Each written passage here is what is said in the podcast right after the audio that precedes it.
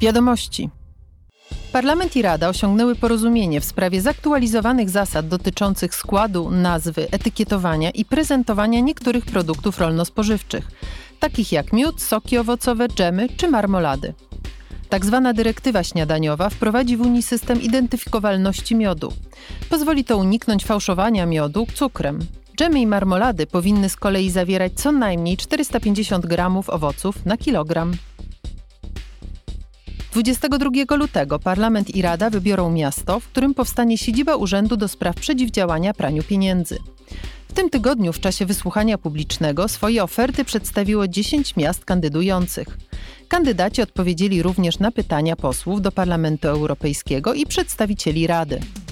Nowy urząd Unii będzie walczyć z praniem pieniędzy i finansowaniem terroryzmu. Jeśli masz nie mniej niż 16 lat i nie więcej niż 30 i pracujesz nad projektem o wymiarze europejskim, do 12 lutego możesz zgłosić się do udziału w Europejskiej Nagrodzie Młodzieżowej i zdobyć środki na dalszy rozwój swojego projektu. Parlament Europejski i Fundacja Międzynarodowej Nagrody imienia Karola Wielkiego w Akwizgranie każdego roku przyznają tę nagrodę przygotowanym przez młodych ludzi projektom o silnym wymiarze europejskim. Jury krajowe w każdym państwie członkowskim wyłoni 3 z 27 projektów. Więcej informacji znajdziesz na stronie internetowej nagrody.